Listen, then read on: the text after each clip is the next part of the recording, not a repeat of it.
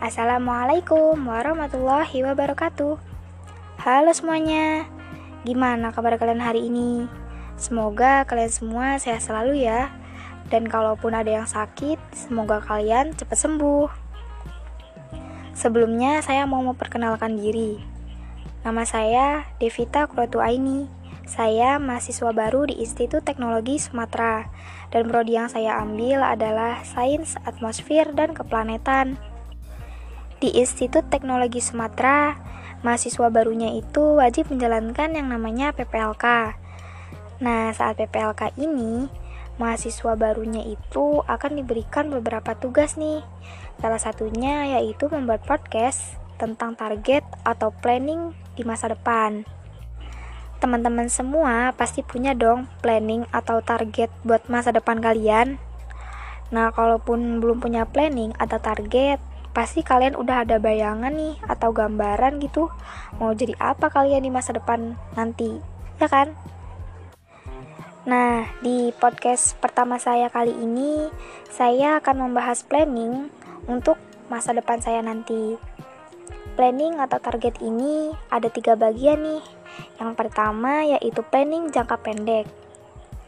Planning saya di jangka pendek ini saya ingin menambah waktu belajar saya, mengurangi saya ketika bermain handphone, dan e, fokus untuk masa TPB atau tahap persiapan bersama yang akan saya jalani 1 sampai 2 semester ke depan.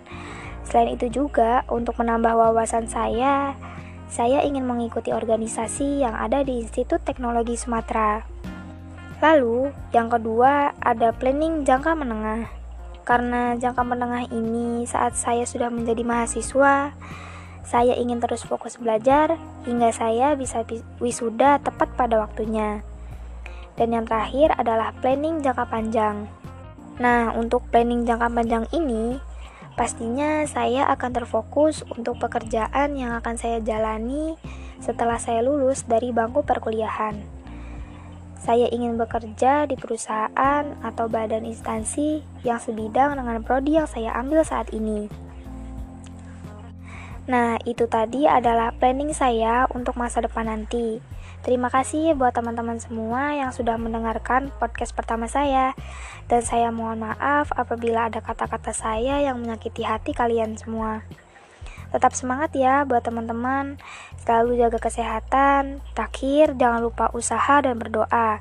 Selain itu juga jangan sampai lupa untuk selalu minta restu dari orang tua kalian ketika kalian akan mengerjakan sesuatu.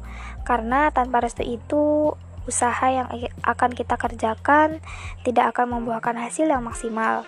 Sekali lagi, terima kasih untuk semuanya, dan sampai jumpa lagi. Wassalamualaikum warahmatullahi wabarakatuh.